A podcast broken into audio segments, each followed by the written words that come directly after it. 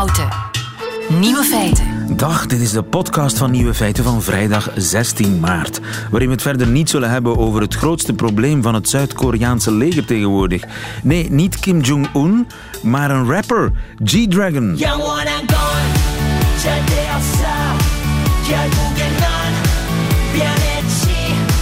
G-Dragon doet namelijk zijn legerdienst. G-Dragon is een fenomeen in Zuid-Korea. Ziet eruit als de kleine zus van Elvis Presley. Met 20% Prozac, 80% haarlak. Maar sinds vorige week is het mega populaire popfenomeen onder de wapens. En het probleem is, zijn fans bombarderen de basis waarin hij gekazerneerd is met mails.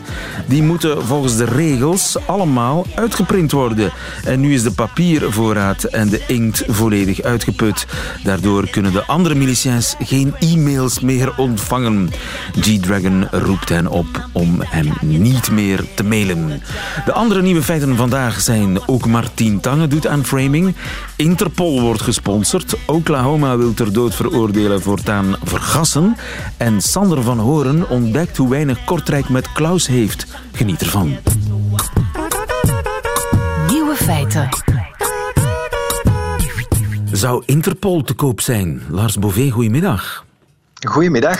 Lars, je bent journalist bij De Tijd en gisteravond was er een boeiende documentaire te zien op de RTBF over de sponsors van Interpol. Elle se lance alors en 2011 dans des partenariats financiers avec des multinationales, des institutions, des États. Se pose alors la question de l'utilisation de ces fonds. Jugée partie, l'organisation policière peut-elle conserver son intégrité Peut-elle échapper au conflit d'intérêts Ja, belangenconflict eventueel voor Interpol. De politie is er voor iedereen, maar kennelijk een beetje meer voor wie betaalt. Klopt dat? Wel ja, het is misschien niet zo zwart-wit, maar er is natuurlijk wel een probleem bij Interpol. Uh, je moet weten, Interpol uh, dat is op zich geen dienst, hè. die heeft zelf geen agenten of zo, maar het is eigenlijk een, een netwerk, wereldwijd netwerk van politiediensten in 192 landen. Het is daarmee ja, een van de grootste internationale organisaties ter wereld. Alleen de VN is eigenlijk groter. Maar zijn er uh, dan Interpol... privé-sponsors van Interpol? Want dat is toch een samenwerking van ja, de politie van al die 192 landen. Ja, dat klopt. Ja, Interpol bestaat al meer dan uh, al bijna 100 jaar. En eigenlijk zijn het dus telkens die landen en vooral de politiediensten in die landen die moeten zorgen voor de nodige fondsen. En daar zit natuurlijk het probleem, want ook bij ons eigenlijk, ja, de, de politiediensten, die kampen nu eenmaal ook met uh, tekorten aan budget. En wat is het gevolg eigenlijk? Dat ja, de vorige topman van Interpol, die zei ooit dat men 1 miljard euro nodig had om de Interpol te financieren. Heeft natuurlijk en ze hadden eigenlijk maar ja, 50 à 70 miljoen euro. Um, 50 à 70 miljoen uh, tegen 1 miljard nodig. Voilà, en als je weet dat bijvoorbeeld de FBI 7 miljard uh, kan gebruiken of gebruikt, ja, dan, dan is dat natuurlijk een enorme scheeftrekking. En wat is dan natuurlijk het gevolg geweest, is dat die uh, vorige ja, topman van Interpol, een Amerikaan, uh, Ronald Noble, die is beginnen zoeken naar privéfinanciering, dus via een stichting, een Interpol Foundation, is die beginnen geld aantrekken uit de privésector. En wie wil betalen? Ja, wiens, uh, wiens brood men eet, wiens woord men spreekt. Uh, en we moeten wel zeggen, dat is gebeurd sinds 2011, dat is niet zo stiekem gebeurd. Hè. Bijvoorbeeld, een van de eerste grote ja, uh, giften die er is gebeurd, is door Sepp Blatter van de FIFA, hè, dus de Wereldvoetbalorganisatie. Ja, eigenlijk, die hebben dan op een zeker moment in 2011 20 miljoen euro geschonken voor 10, miljoen, voor 10 jaar. Sorry. Um, en vooral eigenlijk om het probleem van de matchfixing, hè, dus het getruckeerde wedstrijden, om dat aan te pakken. En Interpol is in actie geschoten dan? En Interpol is in actie geschoten, maar natuurlijk is dat een heel gevoelige kwestie, zeker als dan ook een corruptieschandaal uitbreekt binnen diezelfde FIFA. En je ziet eigenlijk hetzelfde gebeuren in de, ja, de, de grote giften die men de jaren daarna heeft gekregen, bijvoorbeeld van Philip Morris, de grote uh, sigarettengroep. Ja, die geeft 15 miljoen euro voor de strijd tegen namaaksigaretten, maar natuurlijk is Philip Morris zelf ook niet onbesproken. Uh, ook de farmasector schenkt dan ja, meer dan 4 miljoen euro aan Interpol. Maar ook dan kan je zeggen, ja, maar is die farmasector zo neutraal wanneer ja, het gaat bijvoorbeeld over generische geneesmiddelen. Hè? Ja. Um, ja, dus het zou best kunnen dat Interpol voor die ja, foutjes van zijn broodheren een oogje dichtknijpt wel een oogje dichtknijpt of bepaalde prioriteiten legt die eigenlijk niet de objectieve prioriteiten zouden moeten zijn voor zo'n internationale politiedienst. En uh, het moet ook gezegd, uh, verschillende politiediensten, ook uh, die van ons land, Catherine de Bolle, dus de, de voormalige topvrouw van de federale politie, hebben op, aan de alarmbel getrokken om te zeggen, pas op met die privéfinanciering. Ze hebben dat al in 2012 gedaan, want ja, daardoor zou er een probleem ja, van belangenvermenging en, en van neutraliteit van Interpol uh, kunnen ontstaan. Dus het probleem is uh, bekend, de politiediensten zijn zich bewust van het probleem al een paar jaar. Is daar inmiddels al iets tegen ondernomen? Ja, dus ja, natuurlijk, uh, dit probleem is ook al eerder aangekaart. Het was trouwens een hele goede documentaire hoor, van de Franse onderzoeksjournalisten. Het probleem is al langer bekend. Ondertussen is er een nieuwe topman uh, bij Interpol. En daar zijn natuurlijk, ja, die heeft een, een ethische commissie uh, geïnstalleerd. Die heeft ook gezegd, al er zijn nieuwe regels om bijvoorbeeld geen geld meer te aanvaarden uit wapensector, tabaksector, alcoholsector, gokindustrie, noem maar op. Hè, de gevoelige sector Maar we blijven vandaag natuurlijk nog altijd met een groot probleem zitten. Want ja, je zit nu eenmaal met een Interpol, een internationale politiedienst, die ondergefinancierd is. Dus wat zie je vandaag? Je hebt nog altijd bepaalde giften uit de privésector die komen, maar ook bijvoorbeeld van bepaalde landen. Qatar, dat 10 miljoen euro uh, geeft voor ja, de beveiliging van sportwedstrijden de komende 10 jaar en dat in 2022 het wereldkampioenschap voetbal organiseert. De Verenigde Arabische Emiraten hebben 50 50 miljoen euro geschonken. Ja, dat is zomaar eventjes ja, een, bijna een verdubbeling van het budget, of toch een gigantische brok die men erbij krijgt. En dan kan je vragen stellen of daar dan wel uh, geen probleem is. Want Interpol heeft in het verleden ook al problemen gehad met ja, politieke beïnvloeding. Hè. Bijvoorbeeld wanneer Turkije vraagt om bepaalde uh, personen aan te houden en wereldwijd die te seinen, ja, dan kunnen dat ook ja, minder objectieve redenen zijn en meer politiek geïnspireerde uh, redenen ja. hebben. U dus vraagt, wij draaien. Voilà, inderdaad. Dus Interpol zit op die manier constant ook gevrongen. Niet alleen met ja, de, de gelden die men krijgt uit de privésector, maar ook de gelden dus van bepaalde landen. Ja. En dat probleem zal nooit opgelost raken als die organisatie niet correct de nodige middelen krijgt uh, die het zou moeten hebben. Ja, dus Zoals bijvoorbeeld Europol in, in, in Europa, hè, dat, dat veel meer, dat evenveel middelen krijgt als, als Interpol, uh, dat nog maar twintig jaar bestaat, maar wel meer dan duizend mensen telt, terwijl Interpol er zo'n 800 telt. Dus je ziet dat daar gewoon een, een scheeftrekking is. En dat, ja, dat zorgt dan natuurlijk voor zulke ja, ontsporingen. Ja, de landen die lid zijn van eh, Interpol zullen dus moeten kiezen uh, als ze een betere dienst willen, als ze een evenwichtigere dienst willen, als ze een onafhankelijke dienst willen, dan zullen ze daar geld voor moeten uittrekken. De documentaire was gisteren te zien op RTBF, is een echte bom. Volgens jou is een, een goede documentaire, zal binnenkort ook op uh, Arte worden uitgezonden. Lars Bové, goedemiddag. Dankjewel. Nieuwe feiten. De ontdekking van België. Aha, Sander van Horen, onze ontdekkingsreiziger in ons eigen land. Sinds september is hij correspondent België voor de NOS na meer, meer dan tien jaar in uh, Beirut. En over die ontdekkingstocht, Sander, kom jij elke vrijdag vertellen. Goedemiddag. Goedemiddag. We beginnen Waar... met een bekentenis deze week. Oké. Okay. Deze week is officieel de derde keer dat ik het verdriet van België niet heb uitgelezen. Join the club. Nee, nee, nee, nee. Ik heb het wel gedaan. Oké. Okay. Ik maar ik, ik moet toegeven, het heeft mij ook enige, ja, enig doorzettingsvermogen. Het was voor het eerst op de middelbare school uh, dat ja. ik vluchtte naar een uitreksel. Toen, was het, uh, toen ik wist dat ik naar België zou verhuizen, is dat natuurlijk het boek dat je gelezen moet hebben en wil hebben. En uh, toen kon ik het wijten aan de Vlaamse of de Belgische bureaucratie dat ik er niet aan toe ben gekomen. Ja, en uh, maandag heb je natuurlijk de tiende sterfdag en gebeurt er van alles. En besteed ik ook op Radio 1 in Nederland daar aandacht aan. Ja, dus je hebt een andermaal geprobeerd om er doorheen te komen? Ja.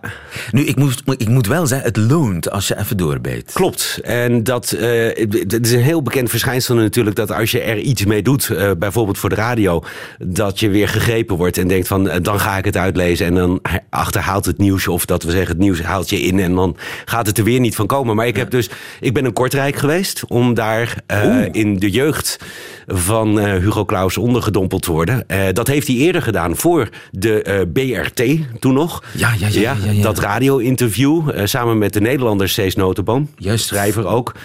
En uh, zij zijn door de stad gelopen langs de plekken die in het verdriet een rol spelen. En daar hebben ze nu, ze, dat is uh, Universiteit Antwerpen, de buren, het Vlaams-Nederlands Cultureel Centrum, uh, hebben daar een audiotour van gemaakt. En ja, de grappige vaststellingen vond ik wel dat in die oude interviews, wat sowieso leuk is om te horen en wat ik eigenlijk opmerkelijk niet traag vond, hè, want dat heb je vaak met oude interviews, maar dat valt nog heel erg mee. Het is leuk om naar te luisteren. Een van de vaststellingen is dat Hugo Claus zich uh, letterlijk omdraait in zijn graf op het moment dat er een tour in Kortrijk met bordjes en dergelijke langs de paden van zijn leven georganiseerd zou worden. En juist dat is nu gebeurd. Dus dat vond ik wel een aardig detail. Dus hij zal zich, uh, mocht hij niet zijn uh, verstrooid op zee, ja. zou hij zich omdraaien uh, in zijn graf. En de vergoeilijking van de maakster, die vond ik dan ook wel weer leuk. Van ja, maar dit zijn geen bordjes. Het zijn namelijk virtuele bordjes. Het is een tour die zich uitsluitend op je mobiele telefoon afspeelt. Maar daarmee wel aardig. En wat mij dus opviel ook, maar dat is meer de Nederlander in mij, denk ik. Dat er in Kortrijk nog niet zoiets was. Dat die bordjes er nog niet staan. Kortrijk is helemaal niet trots op Klaus. Klaus was niet trots op Kortrijk, dat wisten we al. Maar omgekeerd blijkt het dus inderdaad ook zo te zijn. En dat verbaasde jou? Nou ja, dat verbaast me dan weer dat je op een gegeven moment langs uh, het huis loopt waar hij met een hoofdletter gewoond heeft. Dat huis dat staat er niet meer, dat is afgebroken. Nou ja, dat ten eerste vind ik al onbegrijpelijk. Maar dan nog zou een Nederlander een plakkaat aan de muur hebben gespijkerd. Uh, hier woonde Hugo Claus. En by the way, hiernaast hebben we een leuk winkeltje waar u allemaal dingetjes kunt kopen. Hè, wij hadden dat meteen uh, te gelden proberen te maken. Uh, is het niet de lokale ondernemer, dan is het wel de gemeente die denkt... wat hebben we naast fietstoerisme in Kortrijk? Nou, we hebben die grote Hugo Claus... die hier de vormende jaren van zijn leven, zijn magnus opus hierop gebaseerd heeft. En, en, dat, gaan we, dat gaan we uitnutten. En dat gebeurt eigenlijk nu pas. geest heb je gemist in Kortrijk. Zeker, ja. En heb je enig idee hoe dat zou kunnen komen? Nou ja, wat ik me uh, uh, bedacht is dat uh, je staand voor het stadhuis in Kortrijk... een fragment beluistert wat voorgelezen wordt uit het werk... waarbij er beschreven wordt dat er twee hakenkruizen aan de gevel hangen. En binnen speelt zich een scène af voor het portret van Adolf Hitler. Met andere woorden, dat bruine verleden wat Klaus toch ook had... dat komt toch wel in Kortrijk tot wat wasdom. Ook weer trouwens dat hij zich daarvan terugkeert. Maar ja, misschien dat dat het is waar de gemeente Kortrijk zich niet op wil uh, laten voorstaan. Ja, dat ze bang zijn dat die associatie te veel gelegd wordt. Hij was natuurlijk degene die zich uit die Kortrijkse modder heeft omhoog gewerkt. Ja. En dan natuurlijk allerlei straffe uitspraken deed. Zoals ik draai mij om in mijn graf, wat hij natuurlijk niet meende. Nee. En misschien dat het toch ook is dat Kortrijk...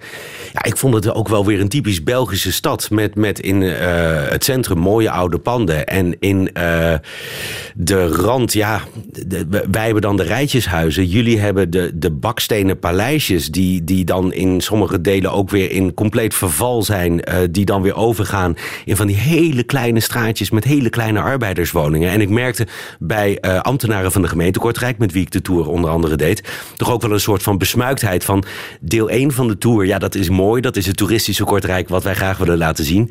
En deel 2, ja, loopt dan sommige straten maar hard door, uh, voorbij. Want daar zijn ze dan weer niet trots op. Ja, ja. Maar je, je verwijt, of je denkt dat het een soort een gebrek aan breeddenkendheid is. Om, hij heeft altijd met Kortrijk gelachen. Ja. Dus... Nou ja, en hij heeft ermee geschaamd ook. misschien dat dat toch wel dan wederzijds is voor een deel. Maar daar zouden Nederlanders zich niks van aantrekken. Nee, uh, ik denk dat uh, als er geld verdiend kan worden, dat taboes uh, snel geslecht worden. Um, gaan we straks het Klaus-vocabularium... Ik was er al een beetje bang voor. Maar Klaus heeft toegegeven, en dat vind ik dan ook wel weer het aardige... dat hij een deel van zijn Vlaams verzonnen heeft. En Klaus, dat weet je dan als je er wat in begint te verdiepen. En dat had ik natuurlijk lange tijd niet gedaan. Heeft ook heel veel relaties gehad, letterlijk fysiek met Nederlandse vrouwen. Maar is ook op een gegeven moment in zijn taalgebruik volstrekt vernederlandst. Ja, hij, kweekte een beetje een Hollandse R. Ja. En, en hoe ver dat gaat, of hoe weinig ver, dat vond ik dan ook wel weer grappig. Want in die audiotour luister je dus naar uh, de gesprekken tussen Klaus en Notenboom. En uh, een van de mensen met wie ik die tour liep afgelopen dinsdag, die beklaagde zich erover dat ze die Hollander toch maar heel slecht kon verstaan. En dat vind ik dan toch wel weer grappig, dat zelfs bij Klaus dus, die voor mij eigenlijk meer Nederlands praat dan Vlaams, dat er dan kennelijk voor de echte Vlaming toch een verschil zit met het echte Nederlandse Nederlands. Ja, ja. maar Klaus kon ook alle mogelijke Oost- en West-Vlaamse maar wat ik het leuke vind, is dat je uh, van Klaus dus accepteert dat hij dat verleden heeft. He, uh, uh, dat, dat nationaal-socialistische verleden zich aangesloten heeft. Korte als, tijd als bij. tiener. Als tiener, maar hij, hij heeft daar afstand komt van gedaan. Hij komt uit een zwart nest, ja, daar gaat, daar gaat het verdriet van België daar, over. Daar gaat het boek over. Um, hij heeft daar een boek over geschreven waarin hij daar voor een deel mee afrekent. Maar nou ja, toch ook weer niet echt. Dat mag want dat is een grote Vlaming en dat is een gekend onderdeel van het verleden, wat kennelijk. Er zijn Vlamingen die op een andere manier strijden en nu een bruin verleden ontwikkelen. Dat zijn bijvoorbeeld die IS-strijders. En dan snap ik dus niet de krampachtigheid waarmee er uh, uh, gereageerd wordt op een NT Dat een IS-strijder op het podium wil hebben als een moderne kruisridder. Maar ik bedoel, dat, dat zijn ook Vlamingen. Dat zijn Vlamingen waarbij je over 40 jaar, net als met Klaus, zult geaccepteerd moeten hebben dat zij een onderdeel zijn van Vlaanderen. En dat wat zij gedaan hebben, dat dat een onderdeel is van de Vlaamse cultuur, waarover gesproken, geschreven en misschien tegen die tijd zelfs wel misschien gelachen kan worden. Het is dus met andere woorden ongeveer dezelfde, ja, noem het Belgische zwijgcultuur die ervoor zorgt om, om van alles onder de mat te vegen. Wellicht. Ik, weet, ik, ik, heb, me, ik heb me zitten afvragen of als zo'n advertentie van NT Gent uh, door toneelgroep Amsterdam in een Nederlandse krant gezet zou worden, of de verontwaardiging minder groot was. Alleen wat ik wel heel charmant vond gisteren, is om te zien dat het justitieel apparaat in België er eigenlijk meteen korte metten mee maakt. We hebben daar principieel geen standpunt over, maar als er een IS-strijder die gekend is voor wat hij gedaan heeft, uh, op het podium staat, dan halen we hem daarvan af, sluiten we hem op en gaan we hem berechten. Dus die rechtsstaat, die zorgt er wel voor dat zo'n man geen podium krijgt. Maar we hebben gezien bij Klaus dat er uh, in het bruine verleden allerlei grijstinten of bruintinten, zo je wil zijn, waarbij iemand die in een concentratiekamp heeft gewerkt, nu terecht nog steeds niet uh, een podium krijgt. Maar iemand die zich nog tijdens de oorlog van het nationaal socialisme afkeerde en daar een mooi boek over schreef, die kon dat wel. België worstelt, denk ik, met de gedachte dat uh, IS-strijders niet allemaal degene zijn die hoofden hebben afgehakt. En dat er dus grijstinten, of zwarttinten, zo je wil, daarin zijn. En dat je dus met degene die terugkomen en die zich uit dommigheid, wie weet, net zoals Klaus, destijds hebben aangesloten bij een beweging die je verfoeit, dat je daar toch als samenleving mee verder moet. Ja, uh, het is dat uh, gebrek aan uh, zelfkritiek en principes en... Maar ook rauwe angst, denk ik. En angst ook om je te afficheren met iets wat zo overduidelijk fout is. Ik bedoel, we hebben daar in Nederland natuurlijk, zeker na de oorlog... hebben we daar ook de nodige worsteling mee gehad. Wat doe je met de mensen die fout waren, zoals wij dat noemen, in de oorlog? Ja, het verdriet van België. Je zal het boek ooit wel gelezen hebben, denk ik. Nou, en, ja, dan, ik... en dan zal je de Belgische ziel, dat Belgische verdriet... zal je dan uh, ten voeten uit snappen. In afwachting daarvan... Mag ik nu weg? Nee, het Klaus vocabularium. Ja. De woordentest uh, deze week in het kader van Klaus. Wat is een rare charel? Nee. Dit is een rare charel. Een raar charel, een raar rare verhaal zou ik zeggen, maar... Nee, een vreemde snuiter. Een vreemde snuiter. Een dat is een rare charel. Een rare okay. charel. Uh, nog een typisch uh, Klausiaanse uitdrukking. Een schone achteruit. Een schone achteruit. Ja, ik zou dan zeggen een schoon achterwerk. Een beetje in die termen denkend. Nee, nee, nee, nee. Een huis met een schone achteruit. Oké. Is een achtertuin. Een achtertuin. Een schone achteruit. Ja. Waar eventueel een vertrek is. Een, een vertrek is een vertrek. Nee, nee. Een deur in zit. Een vertrek is ook een wc. Een wc, oké, Dus, fantastisch. Ja. eh, de lochting zou daar ook kunnen zijn. de lochting, ja. Vertel hem maar hoor. Nee, ik ga enorm, moestuin. ik ga enorm nat Ja, deze week. Ik leg me er volledig bij neer. De, de lochting. En weert u? Verzetje. Ja, ja. Ja. Nee, nee, niet helemaal. Nee. Het is wat de, de tante zegt, geloof ik, tegen hem in het verdriet van België. Als hij als 16-jarige knaap door haar verleid wordt. Mhm. En ze gaan eraan beginnen. En die tante zegt, weert u. Weert u. Het is, eh, ja, weert u. Eh, eh, zet, je schrap. Wees, wees, wees koen. Wees, ja, weert u. Oké. Het is ook een verwijzing natuurlijk naar Weerdi. Ja. Weerdi is, was, eh, was eh, een nationaal-socialistische... Ik heb weken dat ik denk dat ik behoorlijk begin in te burgeren. En ik heb ook weken dat ik denk dat ik nog zo'n lange weg te gaan heb. Veel succes met het lezen van Klaus. Radio 1.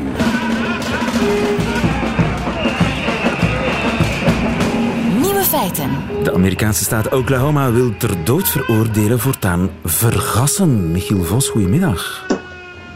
Goedemiddag, lieven. Michiel, in New York, dat is heftig. Vergassen.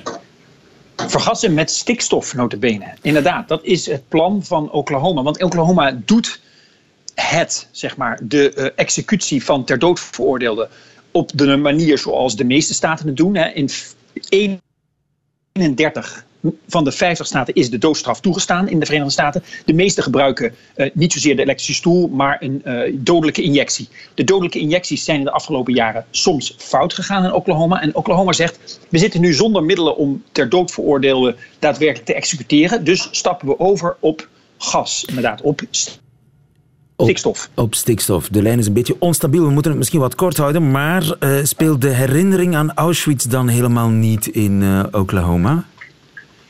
Nee, ze hebben onderzoek gedaan en ze hebben gewoon eigenlijk doodleuk verklaard. Stikstof is het beste voor, eh, dit, eh, voor deze zaak om dat zo te doen. We hebben een tekort aan andere middelen. We staan met onze rug tegen de muur. We hebben mensen on death row. We hebben al twee jaar lang niemand geëxecuteerd. Dat is zelfs voor Oklahoma eh, heel lang. En we moeten weer aan de slag. Ja, zo wordt het echt gebracht. En we moeten af van mensen in death row. En dus gaan we stikstof gebruiken. Ja, dat dat een nare connotatie heeft, misschien een historische connotatie. Daar gaan ze in Oklahoma redelijk makkelijk aan voorbij. Maar wat is er dan allemaal zo misgegaan met die injecties? Ja, er zijn in de jaren, laten we zeggen een paar jaar geleden, een paar keer injecties toegediend aan ter dood veroordeelden. En dat ging fout. Dat wil zeggen dat de injecties eh, leiden tot een soort eh, langdurige doodsstruggle van de, eh de ter dood veroordeelden. Dat duurde dan 45 minuten, 60 minuten. Dat kan niet, want eh, op dat moment wordt een injectie dan volgens sommige rechtbanken een, een, een, een punishment, hè, een straf die, die gewoon te ver gaat. En dan wordt dat aangevochten in rechten bij verschillende rechtbanken. Dat gebeurt al in meerdere staten, ook in Oklahoma. En dan wordt het daadwerkelijk executeren van gevangenen heel moeilijk voor de staat. Nou, en dan krijg je dus het probleem dat er. eh, dat de staat wel de doodstraf nu dan oplegt, of in federale rechtbanken. En dat eh, ter dood veroordeelden eindeloos zitten on death row, hè, je weet het wel. Maar niet ter dood worden gebracht. En dan komt men dus met andere oplossingen, zoals het inkopen van stikstof door de staat om dan te gebruiken voor executies. En gaat dat nu echt gebeuren? Ja, dat is de vraag. Er zijn twee andere staten, voor zover ik weet, die ook stikstof toestaan, maar het nog niet hebben gedaan. Ook in Oklahoma moet worden gekeken of het ook daadwerkelijk gaat worden gebruikt. Het moet worden getest en het zal zeker in rechten worden aangevochten door verschillende eh, groepen die zich verzetten tegen het gebruik van stikstof, die zich überhaupt steeds openlijker in de Verenigde Staten, in allerlei staten, eh, steeds openlijker verzetten tegen überhaupt hè, de, de doodstraf. Hè. Amerika is zeg maar het enige westerse land in de westerse wereld dat de doodstraf toestaat en ook daadwerkelijk uitvoert. Hè, er zijn sinds 19, eind jaren 70 zo'n beetje 7800 mensen ter dood veroordeeld.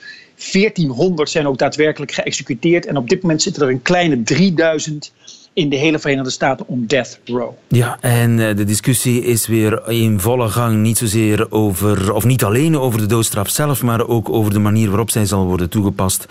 En of stikstofvergassing een mogelijkheid is. Dankjewel. In New York voor ons, Michiel Vos. Goedemiddag. Geen dank.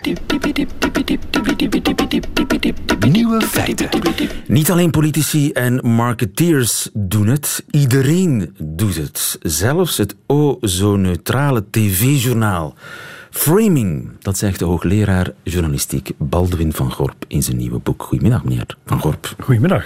Iedereen doet aan framing. Doe ik ook aan framing? Ik vrees het wel. Oesje. Ja, ja.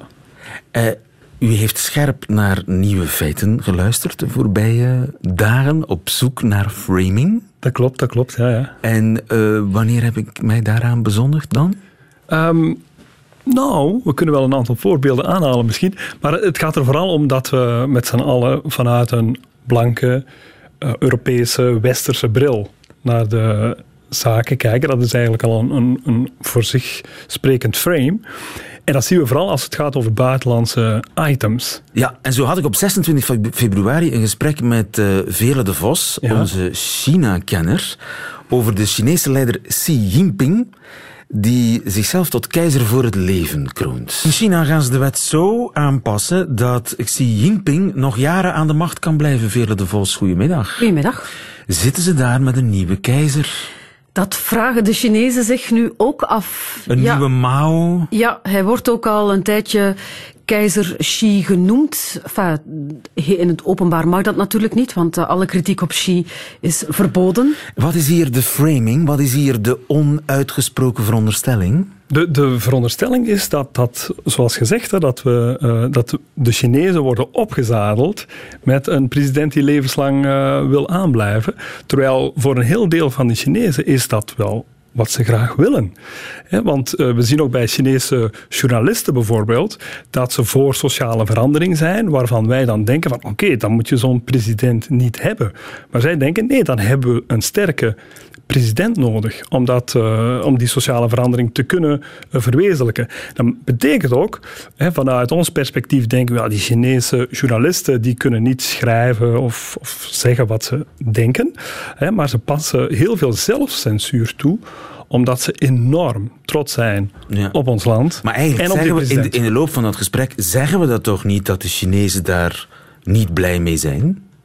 Maar dat had ik toch wel begrepen uit... uit uh, dat is wat jij veronderstelt. Dat wij denken. Uh, dat ga ik ervan uit dat ook de, de luisteraar zo interpreteert. En, en dat gaat over, over Poetin, Erdogan en zo verder. Dat zijn voor ons dictators waar een, een hele bevolking mee wordt opgezadeld. Terwijl we bijvoorbeeld niet een, een Chinees aan het woord laten die zegt van ja, wij zijn ontzettend trots op ons ja. land en op onze president. We kijken met een Europese bril naar ja. China. Ja. ja. Omdat dat de enige bril is die we hebben. Die we hebben, ja. Voilà. Oké, okay, maar dus zelfs het bastion van de neutraliteit, het VRT-journaal, doet volgens u aan uh, framing. Ja. We gaan, denk ik, twee jaar terug in de tijd. De Europese vluchtelingencrisis is in volle gang. En Martin Tange leest het nieuws van 7 uur. Aan de grens tussen Griekenland en Macedonië blijven de problemen gigantisch. Vorige nacht en in de loop van de dag heeft Macedonië 250 vluchtelingen binnengelaten. Vooral mensen uit Syrië en Afghanistan. Dat is een druppel op een hete plaat. Want aan de grensovergangen van Idomeni zitten naar schatting 10.000 vluchtelingen opeengepakt. En elke dag komen er vele honderden bij. Is dit framing? Dit is toch gewoon zeggen, er is een probleem met vluchtelingen? Ja. Ik, ik, natuurlijk, het hangt er ook vanaf uh, hoe dat je framing framet. He, voor mij is dat niet een, een, bewuste vertekening of verdraaiing. En voor mij is dat een, een, een perspectief uh, dat, dat je biedt. En hier zie ik, of merk ik in de manier waarop uh, Martin Tange het verhaal vertelt, he, dat er een, een engagement en een, een, kritische houding ten aanzien uh, van, de, van de gebeurtenissen spreekt. En oké, okay, dat zegt ze zelf ook. Maar dat is een veronderstelling van jou. Dat, zegt, dat was ook haar reactie toen ik haar daarmee confronteerde. Dat is in the eye of the beholder. En dat ik dat daar in, in, in lees, of in, in, in merk. Maar um, er zit ook een, een kritische grondhouding aan. door de manier waarop ze dat uh, uitspreekt, spreekt een engagement. Ze is niet blij dat de vluchtelingen in de problemen zitten. Inderdaad. Maar is dat framing? Dat is ook framing. Dat is ook framing. Dus dan ga je uh, de, de, een, voor een stuk uh, partij kiezen, meer dan terecht, voor die vluchtelingen maar dat is ook een, een, engagement dat je aangaat, een kritische houding ten aanzien van het beleid, het Europese beleid. En dat is, voor, dat is framing. Ja. Dat is ook framing. Maar framing op zich is geen probleem, we moeten er ons bewust van zijn. Dat, is eigenlijk dat het, punt het punt dat, dat u maakt in uw boek. Dat heet Verdraaid en dat uh, vandaag verschijnt. Inderdaad. Waarvoor uh, proficiat, dankjewel. Uh, Baldwin van Gorp, goedemiddag.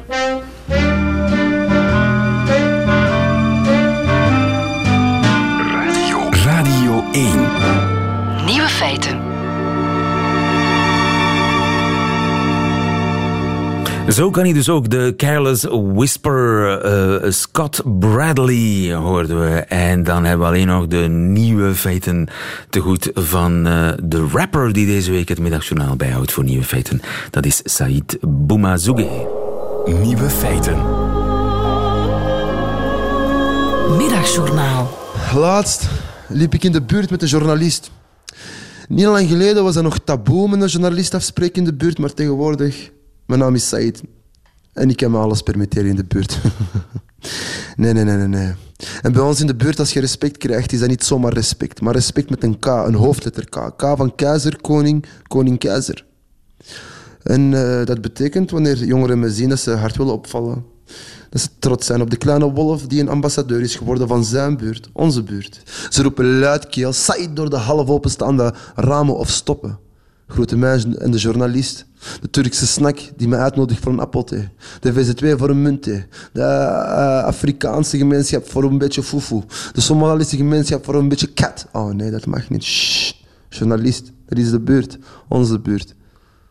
En ja, de journalist, hij die het gewend is om vies bekeken te worden door kleine bruine ogen. Maar je bent pas niet meer bang van het monster in de kast als je de kast zelf open gaat doen. De journalist verschoot, amai, dat is heel tof. En kent jij die mensen allemaal? Ja. En nu kennen ze u allemaal. Maar geen schrik. Zolang je je adres niet laat zien en tien keer achterom kijkt om te checken of er niemand achter u is, dan bent je veilig. De journalist was stijf. Ik gaf hem een schouderklop. Grapje. Nee, maar wat is het verhaal nu? Hm? We stoppen bij Ibrahim. En ik vroeg aan Ibrahim, uh, zeg eens iets tegen de journalist. En hij zei, s'morgens vroeg, brief van de RVA, vorig jaar buitengeschot KTA. Tegen de middag zwaar fucked up opgestaan, maar in de avond met mijn dreer is alles voor elkaar. De journalist zucht, ik versta het niet. Je moet het niet verstaan, je moet het voelen, doe je ogen toe. Hoe hard is een baksteen? Op hoeveel manieren kun je aan een hoek staan? En hoe kun je met 4 euro leven als een koning? Zie je? Ogen toe, juist aanvoelen. Net zoals deze vrijdag.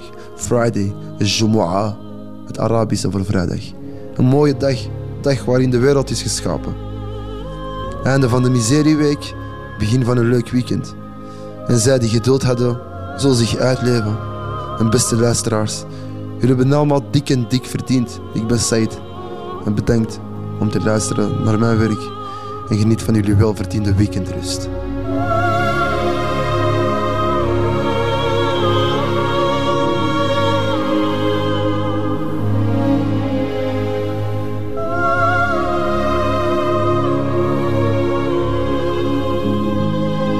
Het middagjournaal met Said Boumatsuge.